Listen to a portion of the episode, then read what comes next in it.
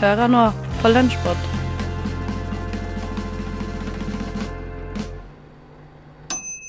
God onsdag og god formiddag. Radio Nova sin lunsjpod er tilbake. Og de neste 30 minuttene så skal eh, Theis Magelsen her guide deg gjennom jungelen av høydepunkter skapt her på Radio Nova fra forrige uke. Og først ut i dag så skal vi på en ferietur til eh, litt varmere strøk. For hva skjer egentlig med hodet ditt om du glemmer å ta med deg boka di på ferie? Tekstbehandlingsprogrammet og Sanda Ruud Wengsholt har kanskje svaret til deg. Again, ladies and gentlemen, United Flight 1017 to Calgary is closing doors in one minute. Ticketing confirmed passengers must... Badehåndkle, myggspray, valuta, flipflops, tannbørste, badetøy, solkrem. Syrlig solkrem på varm hud i en solstol med en sol i den ene hånden og en uh, bok. Hvilken bok? Du har jo glemt bok. Du står i en kø. Det er en lang kø. Foran deg venter en metalldetektor. Bak deg kioskromaner. Gjør du det? Du titter på klokken. Nei, du gjør ikke det.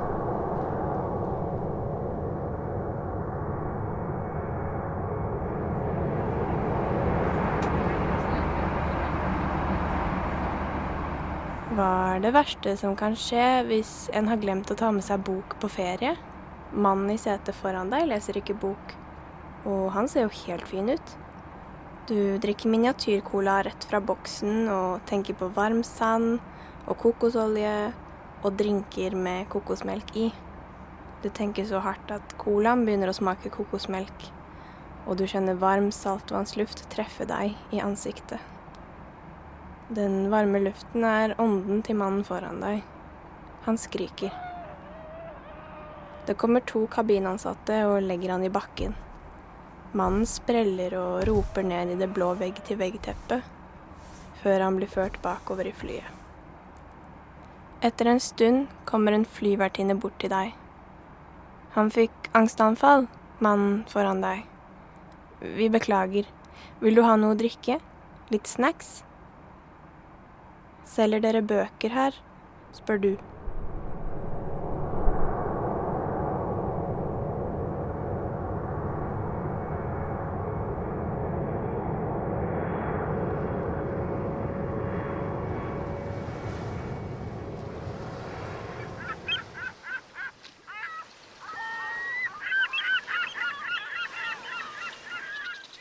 Syrlig solkrem på varm hud i en solstol med en sol i hånden.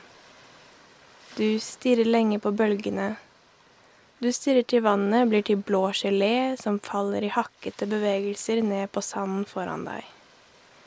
Vinden er lunken og går i revers over kroppen din, som om du sitter foran et gigantisk støvsugerløp. Du plukker opp en håndfull sand med hånden du skulle ha holdt en bok med. Sanden er som brunt sukker og smelter inn i håndflaten din.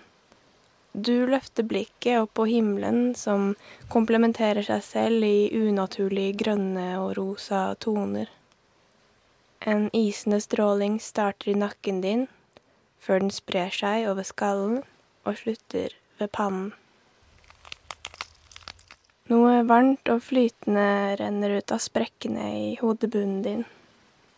Du innser at det er hjernen din som har blitt til varm, hvit kokosmelk.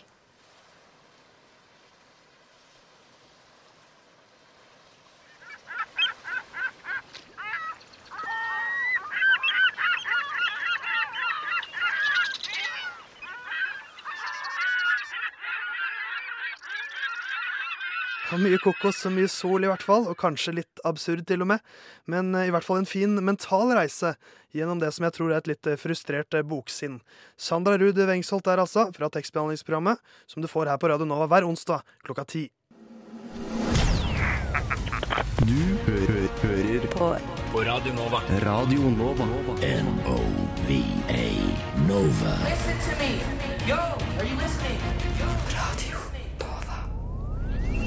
Vi skal holde oss litt i litteraturens verden, for eh, ved starten av hvert år så slipper Språkrådet en liste med det de mener er årets nyord. Og i 2018 så ble nyordet skjebnelandsmøte, da, eh, med litt KrF-stil, mens eh, plassene bak ble fylt av ordene grottegutt, sosionomisere, plogging, fattigdomslykke, matredder, videoassistert dømming, hei sann var, slitertillegg, påvirker og gladbobler. Så det er litt av ei liste. Og Henning Høie Kolås fra Skumma kultur han laget rett og slett en historie han, med alle disse ordene involvert. Det var 2. november, og Jonathan satt i baren på det første og beste vannhullet han kunne finne for å drukne sorgene etter kveldens skjebnelandsmøte. Møtet hadde vært katastrofalt, ikke bare for Knut Arild, KrF og nasjonen Norge, men også for Jonathan selv. Som et ledd i Kjell Ingolfs flørting med høyresiden i norsk politikk hadde han lovet dem å trimme fettet, som det heter seg, og som Knut Arilds personlige assistent ble Jonathan ofret. Det var rett og slett ikke plass til en brillejesus som han, hadde han fått beskjed om av den sleske representanten fra Høyre, som hadde fått innpass på møtet ens ærend for å gjøre den skitne sparkejobben. Jonathan sukket tungt, gled fingrene gjennom håret han hadde farget kommunebrunt for å vise lojalitet, og tok en stor slurk av glasset sitt. 20 år, utbrøt han, først lavmælt, så høyt nok til at bartenderen med hestehale og hovent blikk kunne høre det, og til slutt på et desibelnivå som nærmet seg en lekebrannbil med sirene. 20 forbannede år ga jeg til partiet, og hva får jeg? Sparken. I Norge. Arbeiderrettighetenes hjemland. Jeg får vel 17 ikke noe slitertillegg engang. Kjenner jeg kapitalistsvin og regjering rett? Jonathan kunne se at noen av gjestene i etablissementet snudde seg og rynket brynene, men det brydde han seg ikke noe om. Han var forbannet. Skikkelig forbannet. Og litt fysen, så han bestilte en tapastallerken til 200 kroner. Sett på statens regning, snøvlet han selvsikkert til bartenderen. Skattepengene mine har gått til pensjonister og annet pakke i 20 år, så nå er det på tide at jeg får en bit av samme kaka. Nå som nå som jeg er arbeidsledig. Fattigdomslykke. For noe tull. Den siste setningen ble uttalt like høyt som de foregående, men tydelig mindre selvsikkert, og Jonathan la hodet på bardisken. Vannhullet han hadde valgt, var av typen som hadde et stort speil bak bardisken, slik at man kunne se hele lokalet og alle dets gjester, og da Jonathan hevet hodet igjen, kunne han skimte en mobil i filmeposisjon fra båsen bakerst i lokalet. Han syntes han dro kjensel på ansiktet bak mobilen. Det var den kjente påvirkeren og ploggebloggeren Therese Narvesen, kjent for både sine skriverier og miljøvennlige trimaktiviteter, så vel som gravejournalistikk. Shit, tenkte Jonathan. Filmet hun når jeg snakket nå nettopp? Det lure smilet som bredte seg over leppene hennes, fikk varsellampene til å lyse rødt. Han så seg selv i speilet og forsøkte å fokusere på øynene sine for en intern peptalk. Ok, Jonathan, dette her er Defcon 2. Hvis dette kommer ut, er det kjørt. Aldri mer jobb i verken offentlig eller privat sektor. Du fornærmet både pensjonister og kapitalister. Du har bare én sjanse. Overbevis henne om å ikke poste den videoen. På tide å skru på skjermen. Jeg vet ikke om det er en god idé, men vil du ha en flaske med noe godt i å tilby damen, skjøt bartenderen inn, og Jonathan skjønte at peptalken ikke hadde vært intern på noe som helst vis.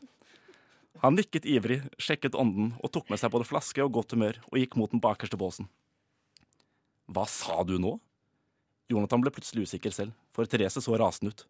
Hei, smalt det fra henne mens hun slo neven i bordet og reiste seg opp, før hun gjentok spørsmålet.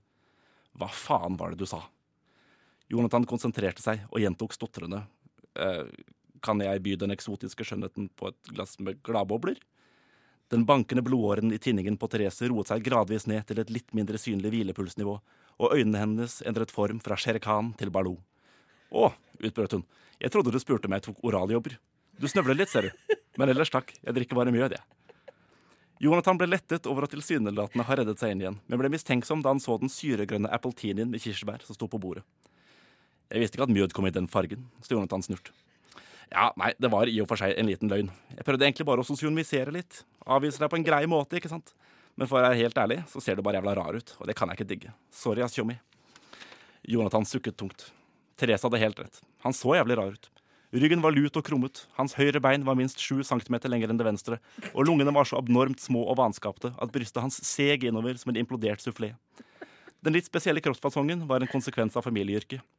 Jonathans slekt hadde nemlig i århundrer både bodd og arbeidet i gruvene ved Kongsberg sølvverk, selv etter at driften ble lagt ned i 1958, og det ulendte terrenget i hulene hadde altså formet både hans kropp og hans sinn.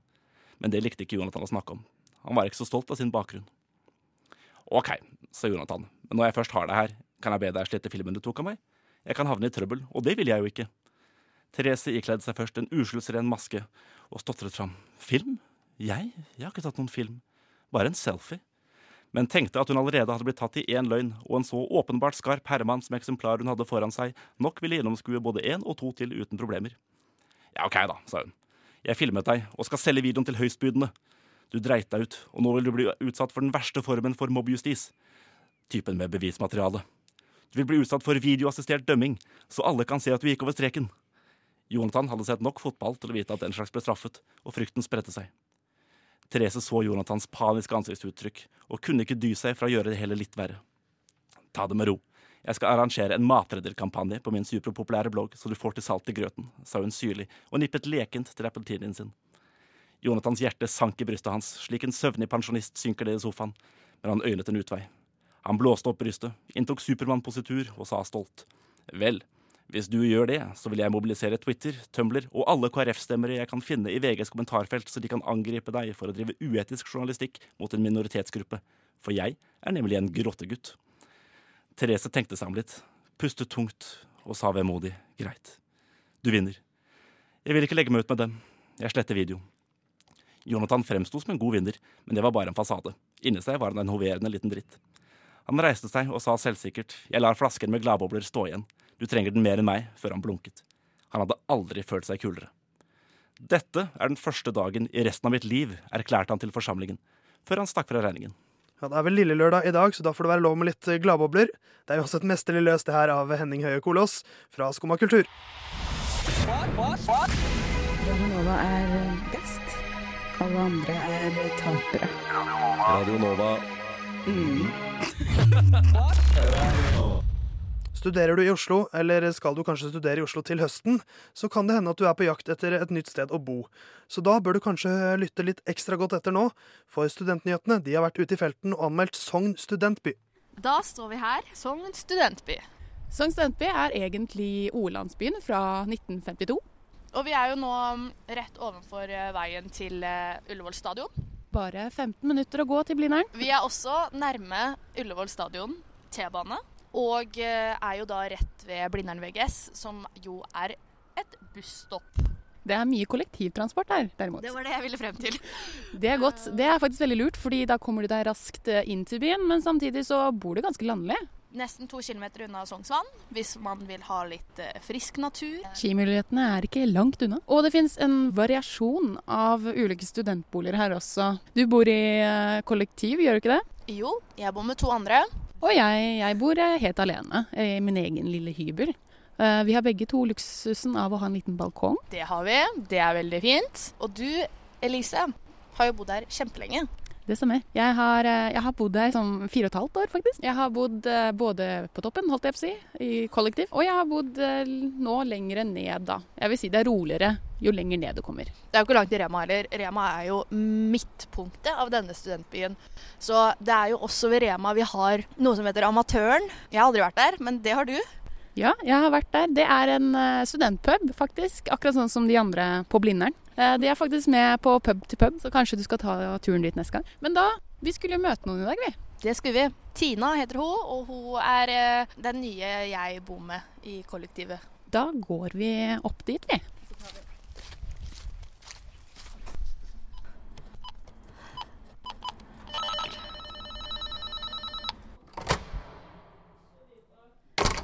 Vi møter Tina inne i kollektivet, som er ganske rent og enkelt og ser veldig nyoppusset ut. Tina er i ferd med å lage seg lunsj, før hun setter seg ned i sofaen for å ta en prat med oss. Tina, hva er det egentlig som fikk deg til å søke studentbolig her på Sogn studentby? Jeg valgte Sogn fordi det var liksom ikke midt i byen. Men det var fortsatt veldig sentralt. Det var sånn åtte minutter med T-banen. Så det er deilig å ikke bo midt i sånn støyet, men fortsatt ha alt tilgjengelig. Det er jo ikke noe sånn fest eller at det skjer mye her. Veldig sånn deilig og stille. Veldig koselig. Samtidig litt eh, liv. Ja, sånn i helgene, tenker du? Ja, da er det litt liv. Du møter jo på folk hele tida når du går ja, til og fra. Samtidig som Tina påpeker at det er deilig at Sogn studentby er rolig, forteller hun også at hun kunne ønske at det var flere sosiale arrangementer i studentbyen. Men jeg lurte på hva hun synes var det verste ved å bo på Sogn. Altså, da tror jeg faktisk det er vaskeriet. Fordi jeg sleit så fælt med det. Og så liksom Du føler ikke at det er rent der. Og den døra den lukker seg ikke ordentlig. Den låser seg jo ikke lenger, den inn til vaskeriet. Så det er sånn Mange av de maskinene er jo litt sånn slitte, så jeg blir liksom Hvor rent blir det egentlig? Klærne blir jo rene, men liksom det bare føles ikke rent. Ja, fordi det føler jeg litt òg. Jeg føler at renholdet f.eks. i oppgangene og på vaskeriet, er det godt nok? Nei. Det, fø det føles ut sånn, men det det er slitt. At liksom kanskje trenger en liten oppussing. da. Motsatt side, da. Hva, hva syns du er det beste med å bo på Sognsstudentby så langt? Ja, det er jo det er plasseringa. Men det er jo også liksom, jeg syns kollektivene er ganske fine. Nå har vi eneste nye, eller ganske nyoppussa. Da har vi forlatt Tina og Sogn studentby, og vi gir terningkast, og terningkastet blir Fem! Og det er fordi det er en veldig flott by å bo i, og det er god plassering, bra kollektivtilbud og hyggelige kollektiv, men det mangler litt på det sosiale. Terningkast fem der, altså. Det er jo mer enn bra nok til å ha på en reklamebrosjyre, føler jeg. Så her må SIO på banen. Det var Elise Kubberød og Nora Johanne Torgersen som sto bak innslaget der for Studentnyhetene. Radio Nova. Så over til noe litt mer alvorlig, faktisk. Eh, Forgiftningen av en ganske kjent eh, karakter fra Sørlandet. Så da tenker jeg vi bare gir ordet til Radio Nova sitt eh, satirealibi, Radiotjenesten. Denne uken ble Norges egen kjendisape Julius forgiftet med narkotika i Dyreparken i Kristiansand. Det sies at den folkekjære sjimpansen gikk inn i en psykoselignende tilstand etter å ha drukket fra en flaske som ble kastet inn i innhegningen. I den forbindelse har vi sendt ut tjenestemann Kilde til Dyreparken for å finne ut hva som kan ha skjedd, og hvem som sto bak det hele. Ja, for det var altså her, i Norges eneste dyrepark, nemlig Dyreparken i Kristiansand, at det som ikke skulle skje, skjedde. En flaske fylt av et narkotisk stoff ble kastet inn i buret. Julius er den eneste sjimpansen i dyreparken som kan åpne en flaske med skrukork. Dermed skulle det som var hans største styrke, bli hans eneste svakhet. Jamen, det er jo klart, at øh, noen har fundet Julius øh, eneste svaghed og brukt den imod ham. Ståle Låge er professor i veterinærsykepleie på Universitetet i Kristiansand, og har klare meninger om hva som er motivet bak forgiftelsen. Det er noen der ønsker å fjerne Julius som alfahann i dyreparken. Øh, Her kommer Julius, som alle vil se. Øh, Det er klart, at noen blir sjalu. Det er helt klart. Ja, hvem eh, tror du kan ha gjort det? Det må jo være noen i parken, som er til sengs med en av de andre chimpanser. For det er altså så dramatisk når ulykken først er ute med sjimpansen alle vil se. Låge mener noen i parken står bak, men hva vil skje med Julius nå? De oppsøker Julius' egen dyrepasser, Tore Tapper Knutsen, for en statusrapport. Ja, hvorfor tror du noen fant på å kaste den eh, flaska inn dit? Jeg veit ikke, ass. Det, det er jo veldig rart det her. At, man, at noen kan finne på å gi dop til en sjimpanse. Det er ikke morsomt i det hele tatt. Det er helt ufattelig. Det fins ikke litt gøy engang. Dyr som oppfører seg rart, er ikke morsomt. De skal oppføre seg som alle andre dyr gjør, her inne i buret. Nei, hold kjeft! Pressen er her. Få røykepause om 20 minutter.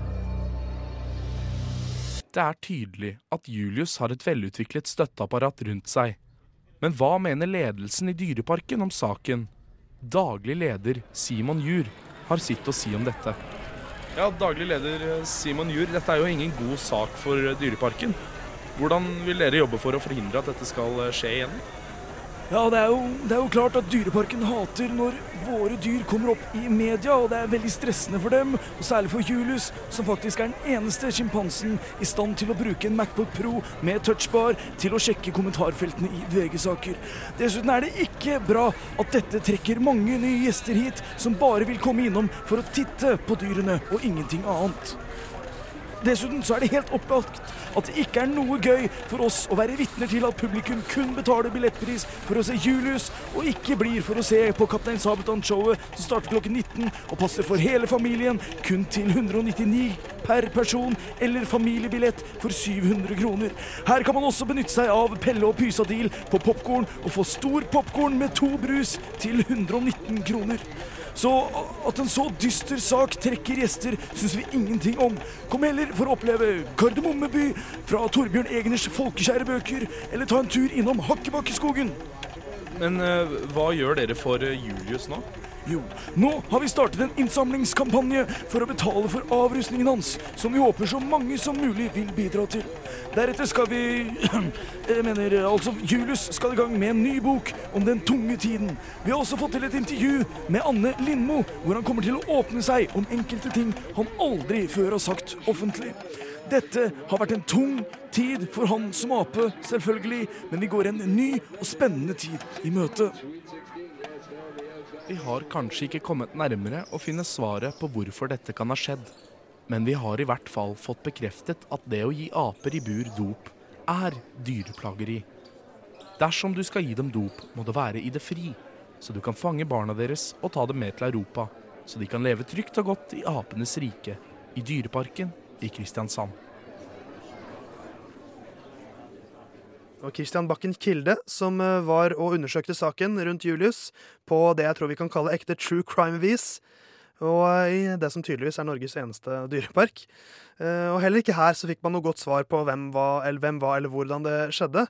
Som jeg egentlig føler man aldri får i, i true crime-sjangeren, så det er ganske spot on. Men, men vi får håpe at sikkerheten rundt eh, folkehelten fra Sørlandet blir litt bedre i tiden som kommer. Du lytter til Radio Nova.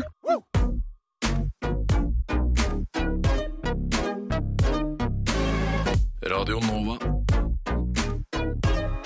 Studentradioen i Oslo. Radio Nova. Ja. ja. Hva? Nova? Ja. Neste program vi skal høre litt fra, er frokost, rett og slett. Eh, For hva gjør du egentlig om eh, du får en kunde som er litt for ærlig rundt hva han skal bruke sin nye PC til?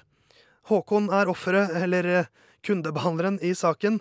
Og Ane og Maja er med i studio. Jeg er student, og det er dere også. Ja, svaret er ja. Eh, jeg er deltidsarbeidende. Det er dere også? Svaret er ja. Svaret er ja? Svaret er Ikke på Ikke fast, Ikke fast. men jeg jobber, ja. Nei, så da er du deltidsansatt, da.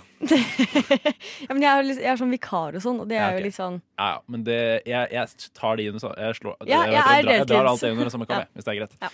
Eh, eh, og jeg jobber jo på en elektronikkjede nede i sentrum. Ja. Og eh, det blir ofte eh, Det er jo eh, mye samhandling med mennesker. Det er jo det hele greia går ut på. At du skal selge ting til personer. Ja. Og jeg får litt sånn eh, jeg har, opp, altså jeg har jobba siden jeg var 16 eller noe, så det er sånn sykt mange år. Oi. Jeg har, jo, jeg har jo mange år på baken eh, med å drive med akkurat det her. Så har, ja, eller vanlig skryt. Men, men eh, jeg har liksom eh, opplevd en del forskjellige sånne requests da, og så forespørsler.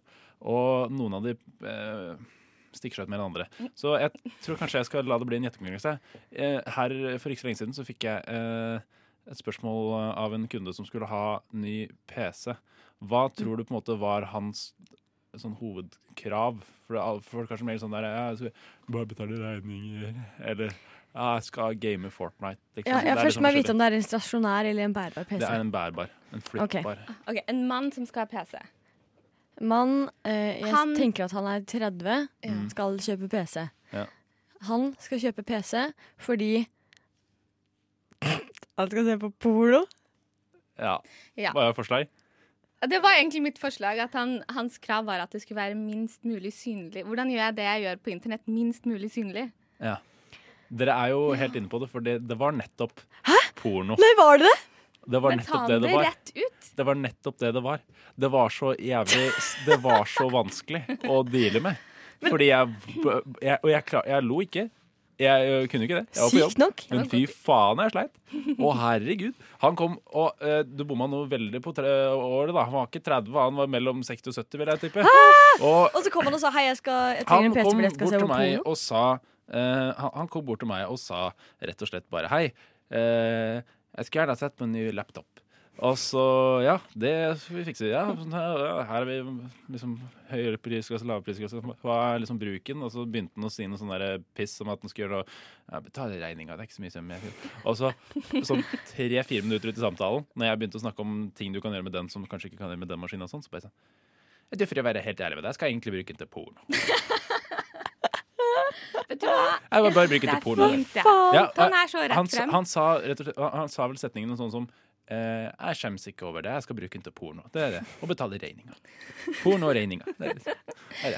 Men Så, da kan jo du gi han best mulig service, når han er såpass ærlig med deg. ja, ikke sant? Så det var, det var ganske greit, det. Og nå kommer da eh, det som jeg tenkte jeg skulle kaste tilbake på dere. For jeg, jeg møter på tilsvarende sånne utfordringer eh, forholdsvis ofte. Ja. Så da tenkte jeg dere skulle få sette dere inn i mine blankpolerte skinntøfler, holdt jeg på som jeg har på meg på jobben. Eh, ikke skinntøfler, men eh, dressko heter det. Eh, og så tenkte jeg dere skulle få, eh, få 30 sekunder cirka hver til å bare komme med den beste innsalget til én person som skal ha en PC som bare skal brukes til porno. Å, Så bare se for dere en PC, og så bare selg inn den PC-en. Hvorfor skal en person som skal drive med porno, kjøpe denne PC-en? Maja. Veldig lave krav her. Denne PC-en er først og fremst eh, rosa. Først og fremst rosa. Først og fremst rosa.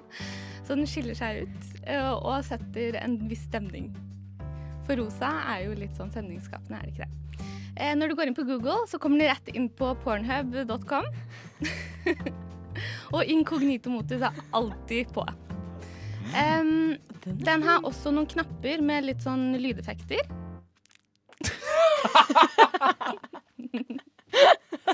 Perfekt slutt. Lydeffekter. Lydeffekter. Yes. Ja, men ja, det var én måte å løse det på. Eh, så kan jeg avsløre hvordan jeg løste det til slutt. Men eh, Ane, før det så kan du få, eh, få eh, presentere ditt innsalg av porno-PC-en. Porno-PC-en. Ja, hei, kjære kunde. Du, jeg ser at du er på utkikk etter porno-PC.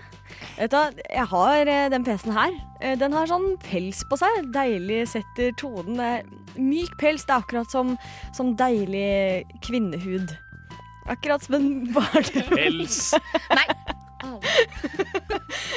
Det er også eh, Den kommer også med håndjern hvis eh, og, og en, og en eh, eh, mus. Bærbar. Bærbar sådan. Mm. Men jeg føler at nå solgte du inn sånn håndjern med pels. Det her Ja, er ikke en det- PC. Det her er sånn sexleketøy. Kan, det er gøy hvis, det gøy, hvis, eh, hvis den ikke er passordbeskytta, men håndjernbeskytta. Så du må låse opp håndjerna hver gang du skal bruke PC-en. Det er litt gøy, da. Uh, jeg syns dere klarte dere overraskende greit med tanke på både forberedelsestid og eh, hvis det her hadde vært en kunde, eh, så kunne sikkert Hvis vi hadde hatt de jævla fucka produktene deres på lager, så hadde det sikkert funka til en viss grad. Eh, kan eh, avsløre at eh, jeg, så profesjonell som jeg var, så løste jeg det ganske greit. Jeg sa rett og slett at da hadde jeg gått for en maskin som har en veldig godt oppløst skjerm, hvis du skal se mest video på den. Eh, og så hadde jeg gått for en veldig god antivirusbeskyttelse. Det var rett og slett det jeg sa. Det. Det er veldig bra. Ja, Jeg syns du løste det veldig bra. Det syns jeg. Jeg må si det. Ja, så håper det går greit med porno-PC-en eh, nå. Rett og slett strålende kundebehandling her fra Håkon Bekkeseth, med en kunde som jeg, jeg syns vi må si har en litt forfriskende ærlig tilnærming til livet. Ane Høiland Høstmælingen og Maja Irene Ottarsrud var også med i studio for den frokostsendingen. Du Du Du hø hører på, på Radio Nova. Og da må jeg dessverre si at vi nærmer oss slutten av ukens uh, lunsjpod. Jeg håper du har eh, kost deg, men heldigvis har vi fortsatt tid til en liten tur til Eventyrland. Så da tenker jeg rett og slett at vi lar Radio Nova sitt eh, Dungeons and Dragons-program, Eventyrtimen, spille oss ut. For de har nettopp fått en ny åpningsvignett, som eh, på en fin måte syns jeg presenterer alle karakterene som du kan bli bedre kjent med i det programmet. Og om du syns det virker spennende, så sjekk gjerne ut Eventyrtimen. De går hver lørdag klokken eh, 14.30. Theis Magelsen er mitt navn. Jeg takker for følget gjennom denne sendinga. Så er Lunsjpod tilbake neste onsdag med flere høydepunkter her fra Radio Nova.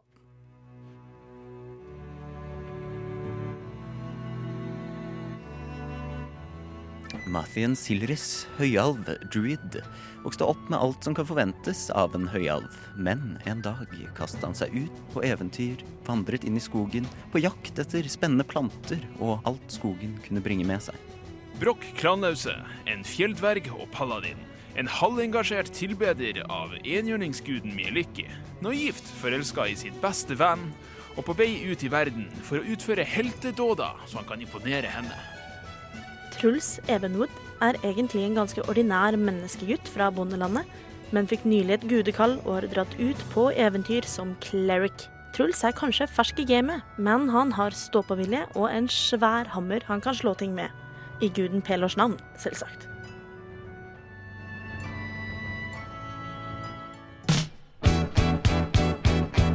Lyssna istället till Radio Nova.